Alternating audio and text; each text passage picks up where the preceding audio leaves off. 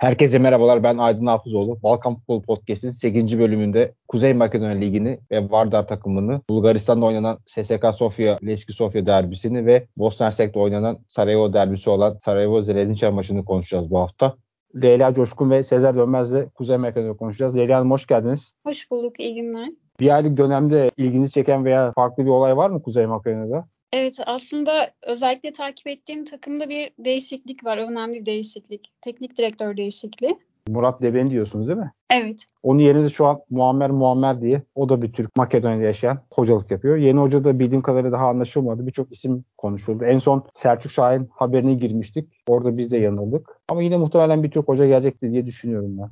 Evet en son Gostivar'dan bahsettiğimizde birincilikte yeniler demiştik. Yeni transferlerin uyumunu beklediğini söylemiştik. Zaman ihtiyaçlarını da söylemiştik. Ama Murat Taban'la ayrılmayı tercih ettiler diyelim. Bu değişiklik sonrası sürece bakarsak Gostivar 8. haftada Vardar 2-0 yendi. Bu maçtaki golleri de yeni transferler attı. Bunlardan biri Kehin'de. Bize yabancı olmayan bir isim. Daha önce Denizli Spor'da ve başka Türk takımlarında oynamış. İlk lig maçında gol atmayı başarıyor kendisi diye katkı sağladı takıma ki sizle konuştuğumda son sıralardaydı. Şu an biraz daha yükselmiş durumdalar. En azından son ikiden kurtulmaya çabalayacaklardı. Geçen hafta iki tane maç izlemiştiniz. Onları konuşalım sizlerle. İkisi de çok önemliydi. Birisi Şkupi, Struga 2-0 yendi. O maçla başlayalım. Ben de özetlere baktım ama sizler 90 dakika izlediniz. Neler gördünüz maçta? Tabii şöyle Şukupi'de de bir değişiklik vardı aslında. Teknik direktör Cihat Arslan ailevi sebeplerle görevinden ayrıldıktan sonra Boşnak Biladen Zizovic ile anlaşıldı. Şuturaga maçı Şukupi'nin Zizovic yönetiminde üçüncü maçıydı.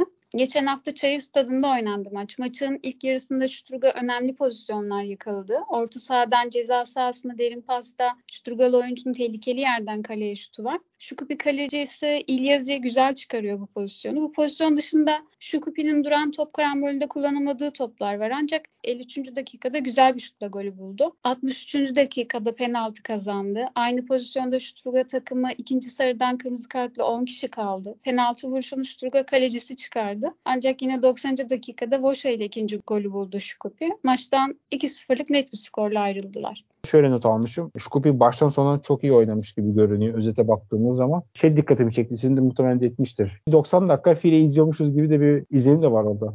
Evet.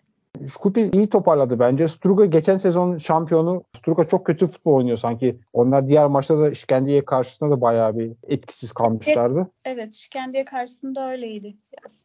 Yine geçen haftadan kalan bir Ghost'i var. İşkendiye maçı var. 2-2 bitti. Burada gollerin birisini Alper Potuk attı. Alper Potuk'un da 3. golü oldu. Hangi notlarınız var? Gostivar'ın stadında oynanmıştı maç. Maç başladığında aslında karşılıklı faal ve sarı kartlarla temposuz başladı. 10. dakikada golü buldu Gostivar. Bu golde de yine yeni transferlerden Atienven'den bir katkı var. Bu golden sonra hareketlilik başlıyor zaten maçta çoğunlukla. Yine 23. dakikada Şikendiya'nın bir penaltısı var. Penaltı golüyle beraberliği getiriyor. Beraberlik golünden sonra ilk yarının sonuna kadar orta saha mücadelesi şeklinde geçiyor. Ancak tam ilk yarı sonlarında uzatmalarda Alper Potuk'un sizin de bahsettiğiniz gibi üçüncü golü geliyor. Burada öne geçiyor tabii Gösti var. İkinci yarıda her iki takım da kanatlara atılan uzun toplarla kaleye gitmeye çalışıyor. Ama bu ataklar genellikle top kaybıyla sonuçlanıyor. 63. dakikada Şikendiya'nın üst direğe takılan bir kafa vuruşu var. Bu pozisyondan yine maçın sonuna kadar kayda değer bir pozisyon olmadı. 90. dakikada duran toptan Şikendiya bir gol kazandı beraberliği yakaladılar. Maçın son dakikalarında kaleci hatasından kaynaklanan bir pozisyonu kullanamadı Gostisvar ve beraberlik bitti maç.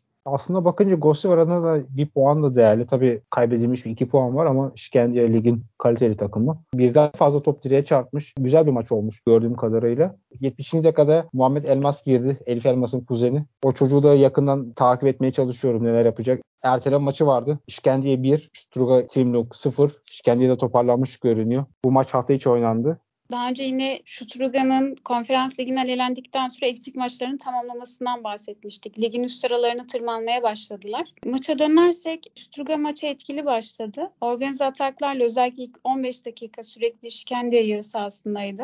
17. dakikada Şikendia'nın ceza sahası dışından sert bir şutu var. Şturga kalecisi güzel bir refleksle kornerde çeldi topu. 24. dakikada yine Şikendia'nın tehlikeli geldiği bir pozisyon var. Burada Şikendia futbolcu ceza sahası içerisinde kaleciyle karşı karşıya kalıyor ve şutu arka direğe takılıyor. Dönen topu Şikendia'lı oyuncu bekletmeden vuruyor ve yine Koşevski çıkarıyor Şturga kalecisi. İlk yarıda Koşevski'nin net 3 kurtarışı var. İkinci yarının başlarında da Şikendia'nın golü geliyor yine Agan Spaiş'le. Kalan kısımda Şturga daha etkiliydi. Birçok pozisyona da girdiler ama girdikleri pozisyonları gole çeviremediler. Maç 1-0 Şikendia galibiyetiyle sona erdi. Yine bu maçta özellikle Şturga kalecisi Koşevski'nin performansı dikkat çekiciydi kaleciler süper maç çıkarmış diye not almışım. Bir de Şkendia'da Bruno Dita Arnold futbolcu 30 yaşında 100. maçına çıktı. Tam evet. maç öncesi 100 numaralı forma hediye etmişler. Baktığım kadarıyla yıllardır bu takımda oynuyor. Aslında 1-0'ın dışında keyifli bir maç olmuş gibi görünüyor. Kalecilerin kurtarışları güzel bir maç olmuş.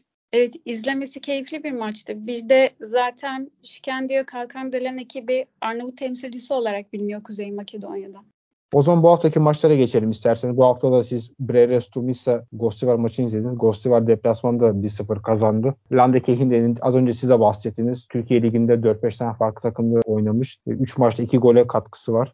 Üst tarafta takımlarla 3 puan farkları var. Yani ligde kalmak için onlar da ilerleyen haftalarda zorlayacaklar gibi görünüyor. Deplasmanda bu galibiyet çok güzel olmuş bence onların. Evet aslında Gostivar'dan hep böyle bir silkelenmeyi bekliyordum ben. Yine bu yeni transferlerin uyumuyla ilgili olabilir, lige alışmalarıyla ilgili olabilir. Şu an 10. haftadan sonra puanları 10 ve son dönemlerde de çok güçlü takımlarla oynadılar. Yani son 3 maçta mağlubiyetleri yok. Hoca değiştirmek her zaman takımlara bir pozitif etki sağlar. Belki onun da bir etkisi vardır. Şöyle maçtan bahsetmek gerekirse yine Kendall'ın golünden bahsettiniz zaten. Aslında Göztepe'nin özellikle ikinci yarıda yaptığı savunmadan bahsedebiliriz. Çünkü özellikle ikinci yarıda bir ara çok atak halindeydi. Oyun üstünlüğü Brera'dan yanaydı. Ama oyunu kontrol eden genellikle Göztepe vardı. Lider Şkendiye 23 puanı var. İkinci Şkupi 19. Struga bir maç eksik 18. Silex 16. Son 3 sırada Voskospor 10. Gosti var 10. Ve son sırada Vardar var. Bir maç eksik 5 puanla. Şimdi de Sezer Dönmez'le Vardar'ı konuşacağız. Vardar Üsküp ligin demirbaş takımlarından, köklü takımların birisi. Son dönemlerde kötü zamanlar geçiriyorlar. Geçen sezon attık değerli bu sezon çıktılar ama şu an ligin sonundalar. Sezer bir kendimizi tanıtabilir misin? Üsküp'te yaşıyorsun. Evet merhaba herkes öncelikle. Ben Sezer Dönmez. Üsküp'te yaşıyorum. Tribün sevdalısıyım diyebilirim. Türkiye'den de kalma bir alışkanlık. Buraya taşındığımda da buranın en köklü kulübünü taraftar olmayı düşündüm. Ve direkt kombinesini aldım. Elimden geldiğince de maçlarını takip ediyorum statta. Peki takımın bu durumda olmasının sence sebepleri nelerdi? Bir oradan girelim sonra tribünlere konuşalım. Bu takımın bu durumda olması gerçekten üzücü aslında. Çünkü şu an ligin dibine demir atmış durumda sonuncu 5 puanla. Tribünden duyduğum kadarıyla, bildiğim, araştırdığım kadarıyla çünkü net bir sonuca varamıyorum. Herkes kendi düşüncelerini empoze etmeye çalışıyor. Önceki dönemden kalan borçları yeni gelen başkanların ödememesi ve üstüne tekrar borç yapıp bırakması sebebi diyebiliyorum. Ama her ne olursa olsun Vardar gibi köklü bir kulübe bu şehrin sahip çıkması lazımdı. O da şu anda ne yazık ki olmadı. 11 şampiyonluğu var, 5 Makedon Kupası var. Ondan önce Yugoslavya'da da şampiyonlukları var tabii. Gayet köklü bir kulüp. Bu halde olması üzücü. Kesinlikle ve Türkiye'de de zaten Fenerbahçe elemesiyle popüler olmuşlardı. Ali Koç'un Vardar alabileceği konuşuluyor ama ne kadar doğru bilemem. Bu haberle de ilgili daha doğrusu birkaç kişiye sordum fakat 3 yıllık 4 yıllık bir mevzuymuş aslında. Herhalde gündem değiştirme çabalarından arada ısıtıp ısıtıp önümüze seriyorlar. Sezer, Vardar'ı ilginç kılan veya senin gözünde hoşuna giden tarafları nelerdi? Nasıl bir ortam var? Vardar'ı ilginç kılan aslında bu genel olarak Balkanlarda da böyle olabilir. Sadece Vardar için de geçerli olmayabilir. Benim gördüğüm kadarıyla Türkiye'nin tam tersi yürüyor işler. Takım istediği kadar kötü olsun. Bu takımın taraftarı asla pes etmiyor. Mesela örnek veriyorum en son Şikence maçında da aynı şeyi gördüm. Hani 1-0 yeniliyor takım. 90 artı 6'da 2-0'ı buldu Şikendi'ye. Taraftar bu sefer ayağa kalktı daha da yüksek sesle bağırmaya başladı. Ligin dibine demir atmış bir takım taraftarı. Buna rağmen biz varız diyorlar. İyi gün kötü gün fark etmeksizin halkın takımı izliyorlar. Vardar'a göre aslında Makedonya'ya göre diyeyim. Ligde şu anda birinci ve ikinci takım Şkendiya ile Şkupi. Bunlar Makedonya'da yaşayan Arnavutların takımı. Olay bir etnik meselede aslında. Vardar biz Makedonya'yız diyor. Bu Arnavut güçlerine karşı öyle olduklarını savunuyorlar. Makedonya'yı biz savunacağız. Takım nerede olursa olsun vazgeçmeyeceğiz diyorlar ve gerçekten de çok güzel bir taraftar grupları var. Her şekilde destek veriyorlar. Peki taraftar grubu ismi komite değil mi? Bir anlamı var Evet, mı? komiti. Yani aslında topluluk demek. Komiti Zapat genel ismi. Sezer izlediğin kadarıyla takımın gücü mü zayıf yoksa iyi top oynayıp kötü sonuçlar mı alıyor? Hangisini söylersin? Takımın ciddi anlamda gücü çok zayıf. Göze hoş gelen bir futbol oynamıyorlar. Hatta çok kötü futbol oynuyorlar. Hani izlemesi bile bazen çıldırtıcı olabiliyor Vardar'ı. Bu hafta hatta yeni arkadaşlarımı götürdüm stadyuma. Dedim böyle böyle yani. Futbol değil tribünleri izleyin diye götürdüm. Futbolu izlerseniz çünkü gerçekten çıldırmamak elde değil. Kötü top oynuyorlar. Herhangi bir taktik teknik yok. 4-1-4-1 ile genelde sahaya çıkıyorlar. Bir Şikendiya maçında farklı bir şey denediler. İlk defa Vardar'ı bu kadar hırslı oynarken gördüm. Güzel de top oynamadılar değil aslında. Pozisyon olarak da bence üstünlerdi. Ama çok güzel bir uzaktan gol yediler talihsiz. Ondan sonra da yüklenirken zaten 90 artı 6'da ikinci golde kalelerinde gördüler. Güzel top oynamıyorlar. Bunun da en büyük sebebi genelde altyapıdan futbolcu çıkartıyorlar. Herhangi bir transfer bütçeleri yok. Geçen yıldan bu yıla sadece 15 bin euroluk bir giriş olmuş. Tabii bu maaş ödemesi dışında. Bunu belirtmem lazım. Herhangi bir bütçeleri yok şu anda. O yüzden ellerinden geldikleri kadarıyla dayanmaya çalışıyorlar. Futbol ekemimiz çok düşük. Taraftar sayısı belli. Statları küçük. Pardon onu da sorayım sana. Bilet fiyatları ne kadar pahalı mı? Bence çok ucuz. İşte Türkiye'nin 5'te biri, 6'da, 7'de biri hatta şöyle diyeyim Kızılyıldız köklü bir takım Balkanlarda yani. İki hafta önce Kızılyıldız maçına gitmiştim Sırbistan'a. VIP tribünden girdiğimde Türk lirasına tekabül edeceksek 150 lira gibi bir rakama VIP'de izledim. Öyle diyeyim size. Türkiye'de ben sanmıyorum. Kale arkasında bile izlenebileceğini. Minimum 750'den başlıyor Türkiye'de. Büyük takımların maçları. Yani ben Vardar kombinesi aldım örnek. 17 euroya kombine aldım. Öyle düşünün. Türkiye'deki tribünle Balkanlar tribünü arasında fark nasıl görüyorsun peki? Çünkü bize çok fazla her şey sanki bastırılmış gibi geliyor son dönemde bu pasolikle birlikte. Meşale yakmak yasak, bir şeyler sokmak yasak, artık toplanmak yasak. Hatta belki sizde vardır bilmiyorum. SSK Levski derbisi öncesi iki takımın da kortejleri vardı. Çok güzel görüntüler vardı. Bizde onlar artık azalmış gibi görünüyor. Senin yorumun nedir? Kesinlikle dediğin gibi ben de koyu bir Antalyasporluyum ve 20 yıldır Antalyaspor tribünlerindeyim. 200'ün üstünde deplasmanım vardır sadece. Türkiye'de futbolu bitirdiler ne yazık ki Pasolik'le. Bence herkesin düşüncesi farklı olabilir ama meşaledir, ses bombasıdır. Bunlar insanlara zarar vermeyecek şekilde güzel görüntüler oluşturuyor Balkan maçlarında. Yani herhalde bir 10 dakikada bir meşale yanıyor. Çok güzel görüntüler var. Bunları insanlara rahatsızlık verme amacıyla değil de takımı ateşlemek adına yapıyorlar zaten. Benim hoşuma gidiyor. Herkesin hoşuna gider mi gitmez mi bilmiyorum ama burada kortejler de devam ediyor. Meşaleler de, torpiller de her şey benim istediğim gibi diyeyim daha doğrusu. Yani ben özlediğim Türkiye günlerini burada şu anda yaşıyorum.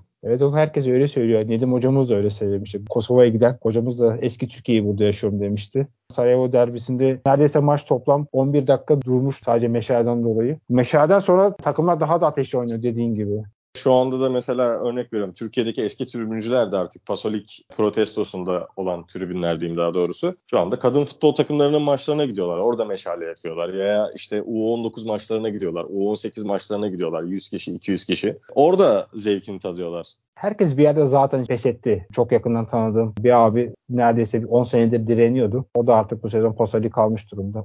Yani pes etmek zorunda bırakıyorlar sonuçta. Tuttuğun takım senin aşkın gibi bir şey yani. En azından benim evet. için öyle. Ben de Pasolik aldım. Ama ne kötülüğü var? En ufak bir şeydi yani. Futbol dediğin sonuçta bazen gergin olmalı. Herhangi bir hareketinde bir yıl futboldan men ediliyorsun. Hani benim abim de Koyu Antalyasporludur. İki kere ceza aldı ve cezası bir Galatasaray maçıydı örnek veriyorum. Hasan Şaş'la bir muhabbete girdiler. Hasan Şaş o zaman teknik yardımcısıydı. Hasan Şaş abime vardı. Abim Hasan Şaş'a vardı. Eve bir gittik. Abime ceza gelmiş ve aldığı ceza da yani kim ne yaparsa yapsın bir yıl futboldan ben ve Antalya Spor'un her maç oynadığı hafta karakolda duracaksın. Türkiye'nin herhangi bir yerinde. Bir yıl boyunca düşünün. Her hafta sonu karakoldasınız. Antalya Spor maç oynadığı takdirde. Çok kötü yani. Çok bitirdiler tribünleri Türkiye'de.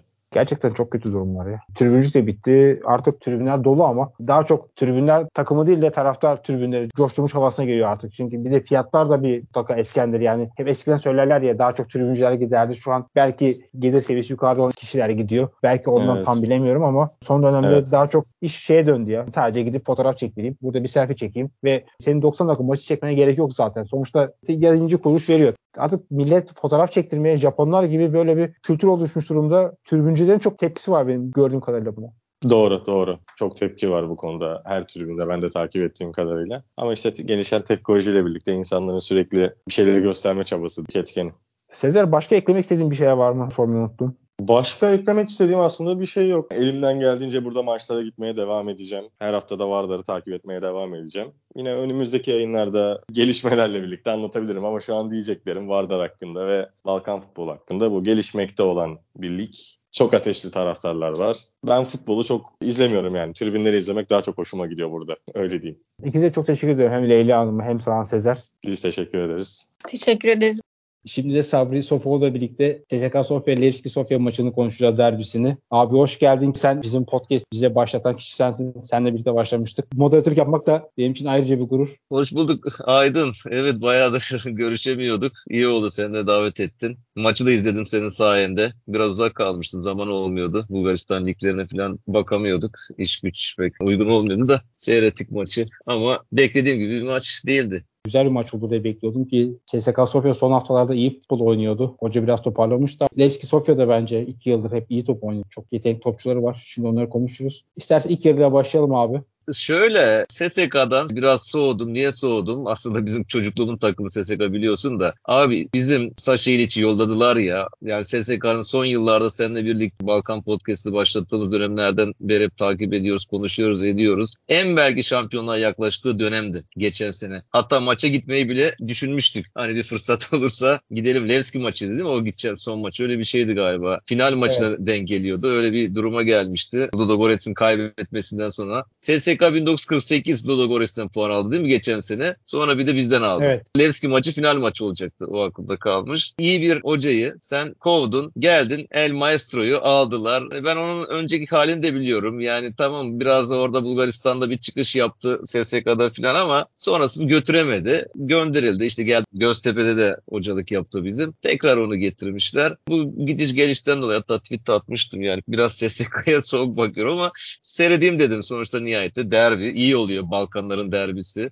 Bulgaristan'da SSK Sofya derbisi bence en büyük derbilerden biridir yani Balkanlardaki derbilerden biridir hani Partizan Kızıl Yıldız gibi.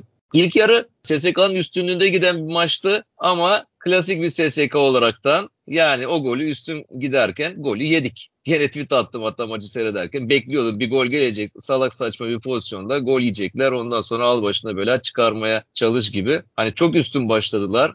Sen daha takip ediyorsun. İki tane forvet bulmuşlar siyah oyuncu. Yakında onları Türkiye'ye de gönderirler. Sivasspor'a yollarlar yani. Tabii abi 3 tane var onlarda ki senin yazdığın kişi Ronaldo'ydu golü atan. O forvetleri Ricardinho. Diğer tarafta Welton. Ki ben özellikle Welton'u çok beğeniyorum. O daha çok asist. Diğer Rodriguez tarzı. İkinci yarı bizi çok zorladı. Soldan girerek daha kaçırdığı birkaç pozisyon var. Üç tane siyahi var. Kanatları siyahi. Orta sahasında da siyahi. Türkiye'de PTT oyuncu futbolcular. Gençleri de öyle zaten. Daha yedeklerde de vardı. İyi bir kadrolar var aslında ama onlarda da işte bir geçen sezon Stanimisto'yla bir res çek. Sponsoru çok fazla her şey karışıyor. Takıma karışıyor. Bir sürü olay yaşadılar. Hoca res çekti ve çekti gitti. Onlar da Nikolay Kosova devam ediyorlar. Aynı dediğin gibi SSK'da Sasajic'le Turisov o penaltıyı atsa zaten yine şampiyonluk her türlü ama Evet evet. Şöyle bir şey var sadece Sabri abi. Son maçları izlemeye çalıştım. En kötü özetleri bakmaya çalıştım. Maçlarda böyle 0-0 iken baskıyı kuramadık. Orta sahamız da çok zayıftı. Sana gol lazımdır baskı yapman gerekirken SSK üstünü hiçbir zaman kuramadı geçen sene. 1-0, 2-0 oynadı. Çok böyle göze hoş gelen futbol oynamadı SSK. Biraz oradan herhalde gönderdiler. Niye gitti tam ben de bilmiyorum açıkçası. Nelson maçı çok kötü başladı. Hatta gönderildi tweet de attım ama hoca kaldı. Birkaç hafta iyi top oynatıyor ama güvenmek ne kadar doğru ben de bilmiyorum. Ya zaten Bulgaristan'da biliyorsun. Bunlar birkaç maç arkasında duracaklar. İşler kötü gidince hemen hocayı gönder. Türkiye'de de çok yapılıyor. Hala yapılıyor Türkiye'de. Onu da iyi gitmediği sürece gönderecekler. Şimdilik neyse ligde üstlerde SSK.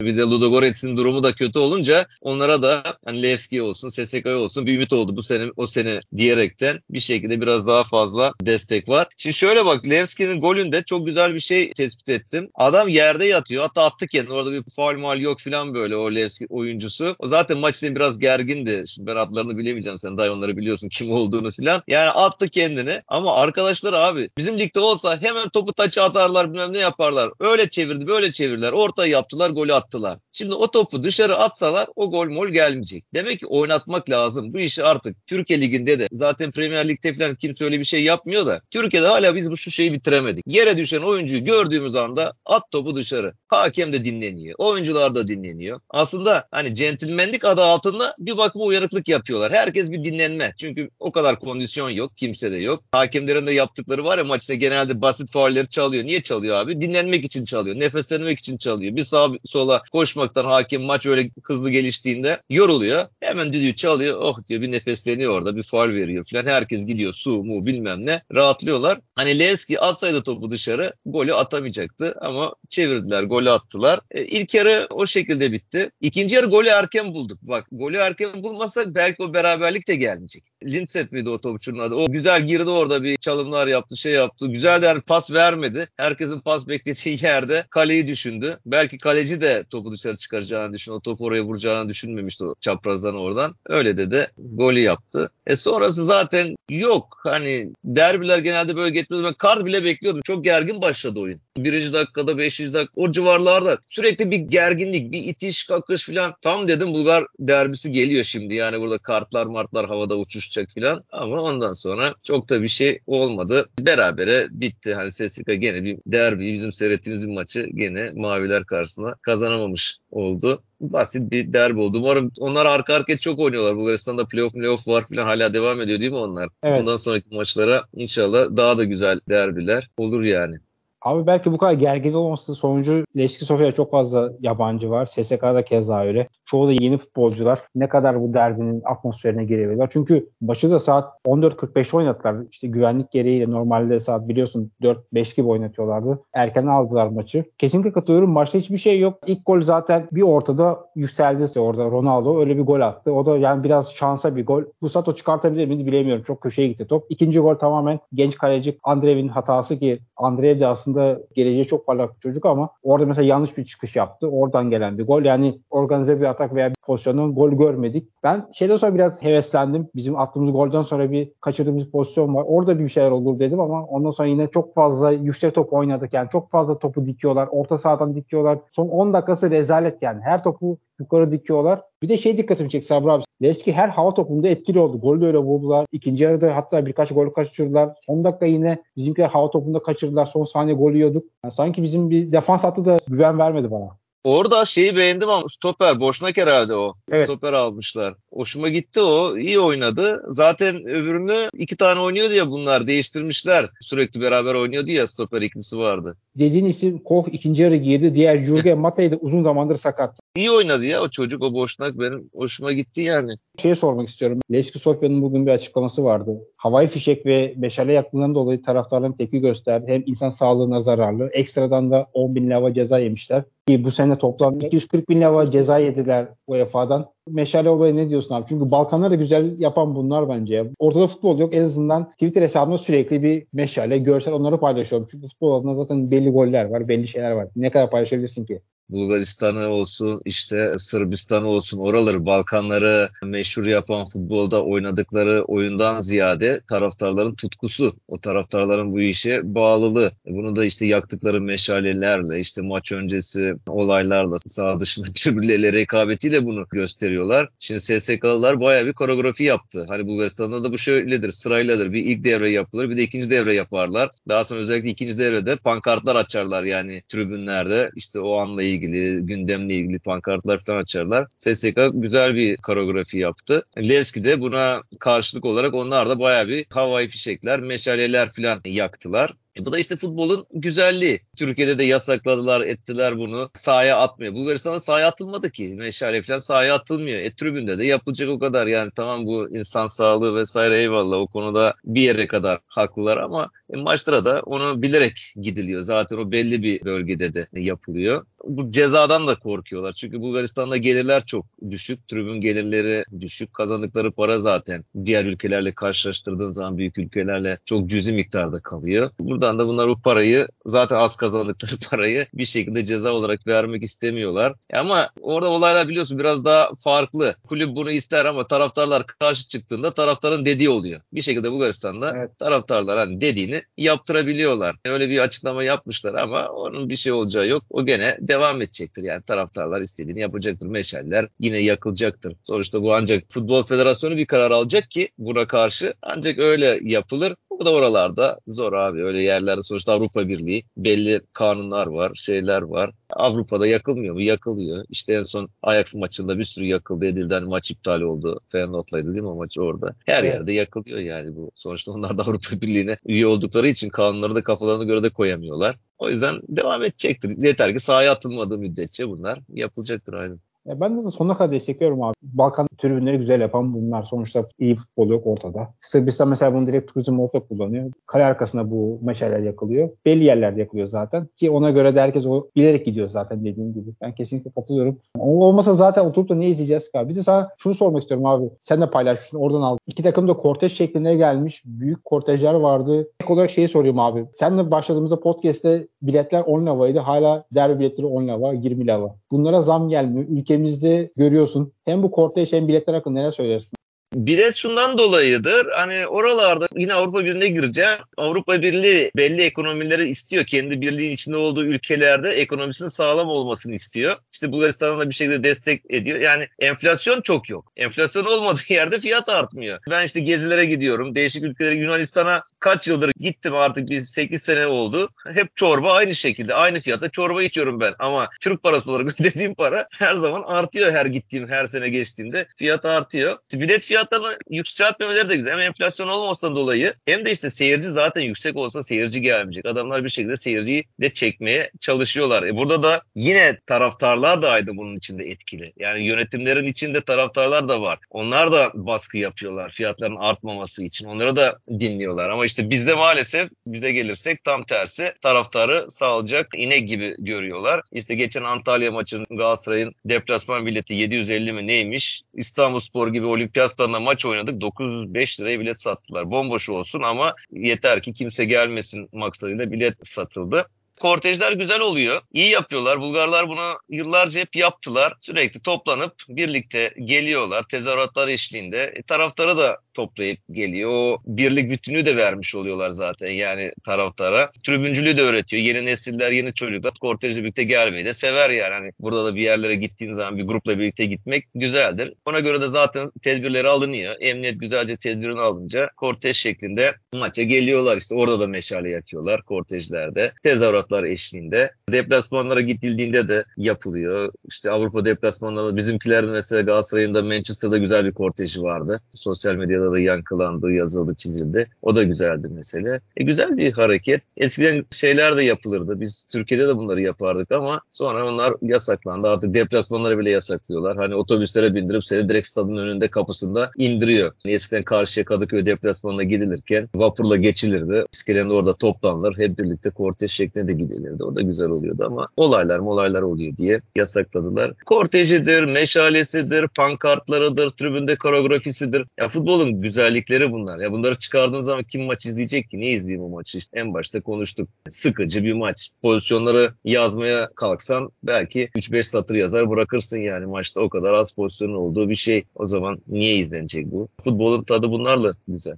Balkanlar da güzel yapan, futbol da güzel yapan bunlar bence. Çünkü diğer tarafından oyunda çok fazla bir şey olmayınca Abi çok teşekkür ediyorum. Hem katkın için, emeğin için. Biraz kötü maça denk geldik. İnşallah önümüzdeki maçlarda seni tekrardan konuk ederiz abi. Çok teşekkür ediyorum. İnşallah Aydın, inşallah ben de teşekkür ediyorum. Güzel oldu. Başka bir maçta da katkılarımı sunarım.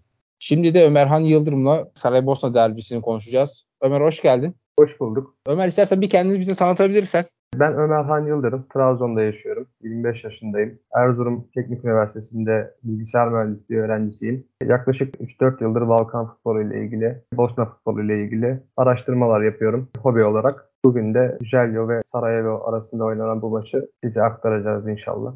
Dün maç 3-0 bitti. Sarajevo net skolla kazandı ki Sarajevo ve Zvezda arasında etik olarak bir fark yok. İkisi de Boşnakların takımı olarak biliniyor ağırlıklı olarak. Normalde Bosna'da hem Sırpların, Hırvatların, Boşnakların olduğu farklı takımlar var. Bu iki takım arasındaki farklar ve benzerlikler neler Ömer veya neler anlatabilirsin bize? Şöyle söyleyeyim kulüpler arasındaki farkı. İlk önce Sarajevo. Sarajevo dışında pek tutulmayan bir takım. Her ne kadar ülkenin en büyük takımından biri olsa da Jelio ise daha çok ağırlıklı işçi sınıfı ve halkın takımı. Demiryolu kulübüdür zaten. Adana Demirspor nasıl Demiryolu işçisi grubu tarafından kurulduysa Jelyazinser de aynı şekilde Demiryolu işçileri tarafından kurulmuş Yugoslavya zamanında. Sarajevo ise daha çok zengin kısmını tuttuğu, halkın takımı olmaktan uzak daha çok Sarajevo yerlilerin tuttuğu bir takım. Zaten stadyumlardan da belli oluyordu. Ben de bugün Kadri Bahar abiden birkaç not aldım. Ondan rica ettim. Sarajevo efsanesi olan Asim Perhatovic'in Fenerbahçe'de bir sezon oynadığını bahsetti. Taraftar grubu Hordez'la şeytanın ordusu demekmiş. Sarajevo'nun sponsoru da Türk Hava Yolları uzun zamandır. Onun dışında renkleri bordo beyaz ki dün de paylaşımlarında vardı Sarajevo bordo diye. Teknik direktörü de Simon Rozman. Sezon başı geldi. İyi bir hoca olduğunu söylüyorlar. Bir de ekstra olarak da Sarajevo'nun %49'u Taylandlı bir iş adamına ait. Evet Sarajevo gerçekten yatırım alabilen bir kulüp Jelyo'nun aksine. Sarajevo'nun da zaten bahsettiğimiz bu zenginliği buradan geliyor. Jelyo ise daha çok halk tarafından bilet gelirleri olsun, store gelirleri olsun bu şekilde ayakta kalmaya çalışan bir kulüp. Sarajevo'nun 5 Bosna Hersek şampiyonluğu var. 2 tane Yugoslavya şampiyonluğu var. Jelyo'nun da 6 Bosna Ligi şampiyonluğu ve 2 tane de Yugoslav Ligi şampiyonluğu var. En büyük iki kulüp bunlar mı? Başka bunlara kimi ekleyebiliriz? Abi Jirinski'yi ekleyebiliriz. Jirinski sanırım 91-93'ten sonra kurulan Bosna Premier Ligi'nde en çok galiba 7 şampiyonluğu vardı. Yanlış hatırlamıyorsam eğer. Bir Hırvat takımı Jirinski. Ama eğer Boşnak takımlar arasında söylersek tabii ki de Sarajevo özellikle zaten Yugoslavya döneminde yaptığı o çıkışla zaten adını daha çok duyurmuştu. Tabii iki kulübün hangisi birbirinden daha büyük diye kıyaslama yapılmasak da Sarajevo daha başarılıymış gibi görünen bir kulüp. Az önce sen de bahsettin. Zeleniçar demir yolları çalışanları demek. Kısaltılmış Jelio. Renkleri mavi. Teknik direktörleri Nermin Basic. Onun dışında savaş zamanında Grozny semti Sırpların elindeydi ve burası boşaltılırken stadı ateşe vermişlerdi. Bu stadın yapımında ve onarımında Edin Dzeko'nun yardımları olduğu dile getirilir şunu söylemem gerekiyor. Edin Dzeko Bosna futbolunun gelmiş geçmiş en iyi futbolcularından biri. Jelyo altyapısından çıkma bir oyuncu ve kendisi de Jelyo taraftarı buna bağlı olarak. Ülkemizden tanıdığımız Edin Visca da aynı şekilde Jelyo altyapısından çıkma. Her ne kadar Sarajevo daha çok altyapıya yatırım yapsa da, daha çok futbolcu çıkartsa da Jelyo daha kaliteli futbolcular çıkartmıştı bu sürede. Dolayısıyla Jelyo'nun çıkarttığı futbolcular da geldiği yeri unutmamak adına kulüplere belli yardımlar yapabiliyor bu şekilde. Benim açıkçası çok şaşırmadığım bir bilgi bu. Ancak endüstriyelleşen futbolla birlikte bu destekler çok daha fazla olması gerekirken çok daha fazla olmuyor maalesef. Belirli kişilerden geliyor bu destekler. Ceko gibi Tabii acıyla yoğrulan bir ülke Bosna Hersek. Herkesin çok yakından Jerry'den unuttuğum bir not var burada. Taraftar grubu Maniacs, manyaklar demek. Onlar da dün akşam iki taraftar grubu da koreografilerini yaptılar. Çok güzel görüntüler vardı. Şimdi de oraya geçeriz istersen stadyumun bulunduğu semt zaten Koşevo. Hatta stadyuma da Koşevo stadyumu diyebiliyorlar. Jelyo'nun yoğun olduğu yerde Grbavica semti zaten dediğiniz gibi az önce de bahsettiniz. Stadyumları da burada bulunuyor. Dolayısıyla kendi stadyumlarını da Koşevo stadyumu ve Grbavica stadyumu diyebiliyorlar aynı zamanda. Kendi semtlerinde başladı zaten bu maç gününde. Yaklaşık öğle saatlerinde işte ateşli taraftarlar, kortejler Saraybosna bu maç olduğu gün ya bordo oluyor ya mavi oluyor. İki tarafa bölünüyor şehir resmen. Maça taraftar çok erken başladı. İki tarafta çok erken ısındı maça. Yani akşam bize çok iyi bir tribün şovu izletmişlerdi. Öncesinde de çok iyi başladılar. Bu şekilde stadyuma zaten iki tarafta çok ateşli bir şekilde geldi. Harika bir görsel şölen sordular zaten. Ondan da notlarımız da var. Onlardan da bahsedeceğim. Sarajevo derbisi mi daha büyük yoksa Mostar derbisi mi senin gözünde? Benim gözümde başarıya oranla, tabii her bir derbinin altında bir hikaye vardır. Bu derbi başarıya oranlı bir derbidir. Hangi maçı izlemek isterdim diye sorsanız bir Sarajevo sempatizanlığım var. Tabii bu kesinlikle başka bir takıma nefret duymak değildir. Buna rağmen ben Mostar derbisini daha çok izlemek isterdim. Çünkü Mostar yarı Hırvat, yarı Boşnak bir şehir. Mostar Köprüsü zaten ayırıyor o şehri. Yanlış hatırlamıyorsam %46 Hırvat, %44 Boşnak yoğunluklu bir şehir. Şehri resmen ikiye bölen bir derbi. İki etnik grubun, iki farklı dinin derbisi. İzlemek isteseydim bu derbiyi izlemek isterdim. Ancak tabii futbol anlamında, rekabet anlamında Jelio Sarajevo derbisi bence daha büyük bir derbi olmasına rağmen ilgi çekici olan derbi bence Mostar derbisidir. İkisinin yeri çok farklıdır gayet mantıklı. Dediğin gibi diğer tarafı etnik ayrımlar direkt rekabet oluşturuyor. İki boşnak kökenli takımın derbisi bu zaten. Dediğin gibi muhtemelen diğer taraf daha ateşli ve daha kıyası olduğu bir gerçek. Peki istersen maça geçelim o zaman. Maç 3-0 bitti. Aydın Aziz ve Renan Oliveira damga vurdu. Birer gol birer asist. Toplu oynama Jelio daha fazla %53'e 47. Kaleye bulan şutlarda Sarajevo'nun 8 şutu var. Jelio'nun 2 şutu var. Kaleye bulmayan şutlarda 8 Sarajevo 6 Jelio ve kornerlerde Jelio'nun 7 korneri var. Sarajevo'nun 3 korneri var. İstatistiklere baktığımızda sanki Jelio biraz daha etkili oynamış ama ben özete baktığımda Sarajevo'nun çok daha net pozisyonları vardı. Jelio daha çok duran toplarla ve kornerlerle sanki şansını denemiş gibi. Sen direkt maçı izledin. İstersen ilk yarıyla başlayalım. Notlarında neler var? Abi şimdi ilk önce şöyle söyleyeyim. Maçın genel bir değerlendirmesini yapayım ilk önce. İstatistiklerde de gördüğün şeylerin çoğu doğru. Sarajevo daha çok akıllıca oynamayı tercih etti. Maç boyunca topla oynama aynı kaldı. Yani 5. dakikada da topla oynama oranı aynıydı. 90. dakikada da topla oynama oranı aynıydı. Çünkü Sarajevo daha çok Jelio'nun yapacağı hatalar üzerinden oynamak istedi.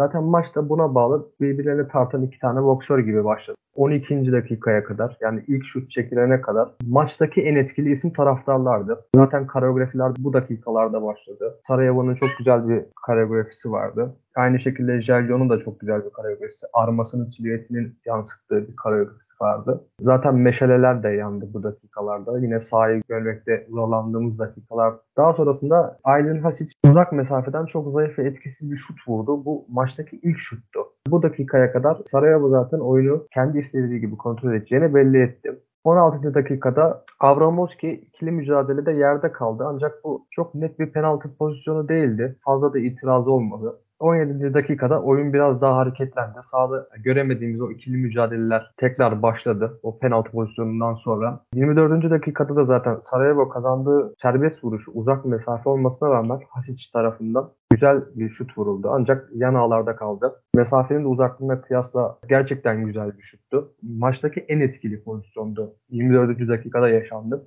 26. dakikada maçın yıldızlarından biri Oliveira ceza sahasına orta kesti ve Aydın Hasic olması gerektiği yerdeydi. Bir kafa vuruşu yaptı ve Celio kalecisi başarılı oldu. Ancak top tekrar Aydın Hasic'in önüne düşünce kendisi pozisyonu tamamlamakta zorlanmadı. Bu sezonki 3. golünü attı. Bu golden sonra maç yaklaşık 3 dakika durdu. Yanan meşalelerden dolayı durdu. Çünkü oyun içinde çok fazla ikili mücadele görmedik zaten bu kısma kadar. Etkili mücadelelerin olduğu kısım oldu ancak oyunu soğutacak hiçbir şey olmadı. Meşaleler düşün. İlk golde Ömer sanki defansın çok büyük hatası yok mu? Oliveira'nın yaptığı ortada 3 kişi arasında topa bir kere vuruyor. Dönüşünde tekrar ikinciye gol atıyor. Büyük bir defans hatası var sanki. Burada kesinlikle büyük bir defans hatası var. Kademe hatası var. 3 oyuncunun arasından Haşi çıktı kafayı vurdu ve 3 oyuncu gerçekten izledi. Sadece kaleci izlemedi pozisyonu zaten. Jelyo'nun çok büyük organizasyon hataları vardı maç genelinde. Sarajevo sadece bunları değerlendirerek 3 gol atmayı başardı.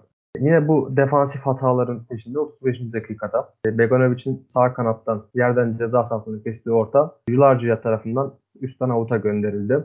Bu dakikalardan sonra da Jelio tabii kıpırdamak istedi. Yani bir şeyler yapmak istedi ancak Jelio'da ciddi bir taktik eksikliği sezdim ben. 45 artı 3'te de Haş çizgiden ceza sahasını kestiği ortayı Oliveira tamamladı. Güzel ve düzgün bir vuruştu. Sarajevo bu şekilde soyunma odasını 2-0 önde gitti tam skor tabelası 45-12'yi falan gösteriyor böyle yani. Başlayalı 10 saniye olmuş. Jelly oyuncuları cidden çok motive çıktılar sahaya. Herhangi bir şey oluyor arkadaşlarını alkışlıyorlar. Jelyo'da burada bir kıpırdama olacak gibi hissettim ben. Ancak tam bir varlık gösteremediler yine. Hücum etmek için çok çabaları oldu. Başarılı bir organizasyon yoktu. Daha sonrasında da Sarajevo kontra atağa yöneldi. Sarajevo'nun kazandığı 3 korner zaten burada sıra sıra geldi. 55. dakikaya doğru tabii ikili mücadeleler artık daha çok artmaya başladı. Çünkü zaten Jelyo'nun gole ihtiyacı vardı. Ki 60'a kadar bir gol bulsa Jelyo belki maçı da değiştirebilirdi. Sarajevo oyunu gerçekten kontrol altında tutup Jelyo'nun hata yapmasını, bu hataları değerlendirmeyi beklediler. 60. dakikada zaten yine meşaleler geldi. Tribünler ön plana çıktı. Sahaya görmekte çok zorluklar yaşadık. Maç yaklaşık burada da bir 4 dakika durdu. Daha sonrasında kontra atakla birlikte Avramovski karşı karşıya bir net pozisyon kaçırdı. Jelyo'dan Yaşar Eviç ceza sahasının sol yanından penaltı noktasına bulunan Bekic'i gördü. Çok da güzel bir gördü aslında. Bekic de çok kötü bir vuruş yapmadı. Sert şutu az sayılabilecek bir farkla dışarı çıktı. Jelyo adına en önemli pozisyondu maçta zaten. 90 artı 2'de Jelya aradığı golü buldu mu dedik. Çünkü yaklaşık 40 metrede kullanılan serbest vuruş sonrasında güzel bir kafa vuruşuyla bu gol gelmişti. Ancak net bir şekilde offside barizdi, belliydi. Dolayısıyla gol sayılmadı. Bu pozisyonun hemen dönüşünde ise moral olarak maçtan düşmüş Jelyo'ya son darbeyi de Durakovic'in asistiyle, Çatakovic'in kafa vuruşuyla bulunan golle Sarajevo 3. golü attı ve maçı kazandı. Aydın Hasic'in takımdaki görevini veya yaptıklarını nasıl değerlendirirsin? Hasic bugün Bosna Teknik Direktörü tarafından da açıklama yapıldı zaten. Kendisi için de çok kötü bir oyuncu değil diye. Belki de milli takımda oynaması için iyi bir fırsat bu Sarajevo'daki performansı diyeyim. Zaten Beşiktaş taraftarı da belki takip ediyor yakından kendisi. Kiralık olarak oynuyor. Oliveira ile birlikte Hasic'in Sarajevo'nun en büyük atak kozu olduğunu düşünüyorum. Şu an ligde Borak Banya Luka lider 24 puanla. Bu Sırpların takımı Sarajevo ikinci 19 puanla. Şiroko Brijek, Jirinski Mostar, Velez Mostar. Ligin önemli takımları bunlar. İlk 5 sırası. Senin şampiyonluk adayın kim? Abi benim şampiyonluk adayım. Çok karışık. Bir kere bu sene çok daha heyecanlı geçiyor. Borat daha önde görünüyor. 3 maça eksik Jirinski'nin Avrupa'da oynadığından dolayı. Jirinski'nin Avrupa'da da kötü performans göstermediğini varsayarsak yani Avrupa'ya da ağırlık verdiğini varsayarsak Borat'la Jirinski arasında geçer gibi düşünüyorum ama Borat yine bir tık önde kalır gibi. Bence Borat bu sene şampiyon olur diyebilirim. Gelecek ne gösterir belli olmaz. Çok teşekkür ederim Ömer. Değerli katkılar için zaman ayırıp maçı izledin. 90 dakika izledin. Rica ederim. Elimden geldiğince her zaman yardımcı olmak. Önümüzdeki podcast'te görüşmek üzere. Hoşçakalın.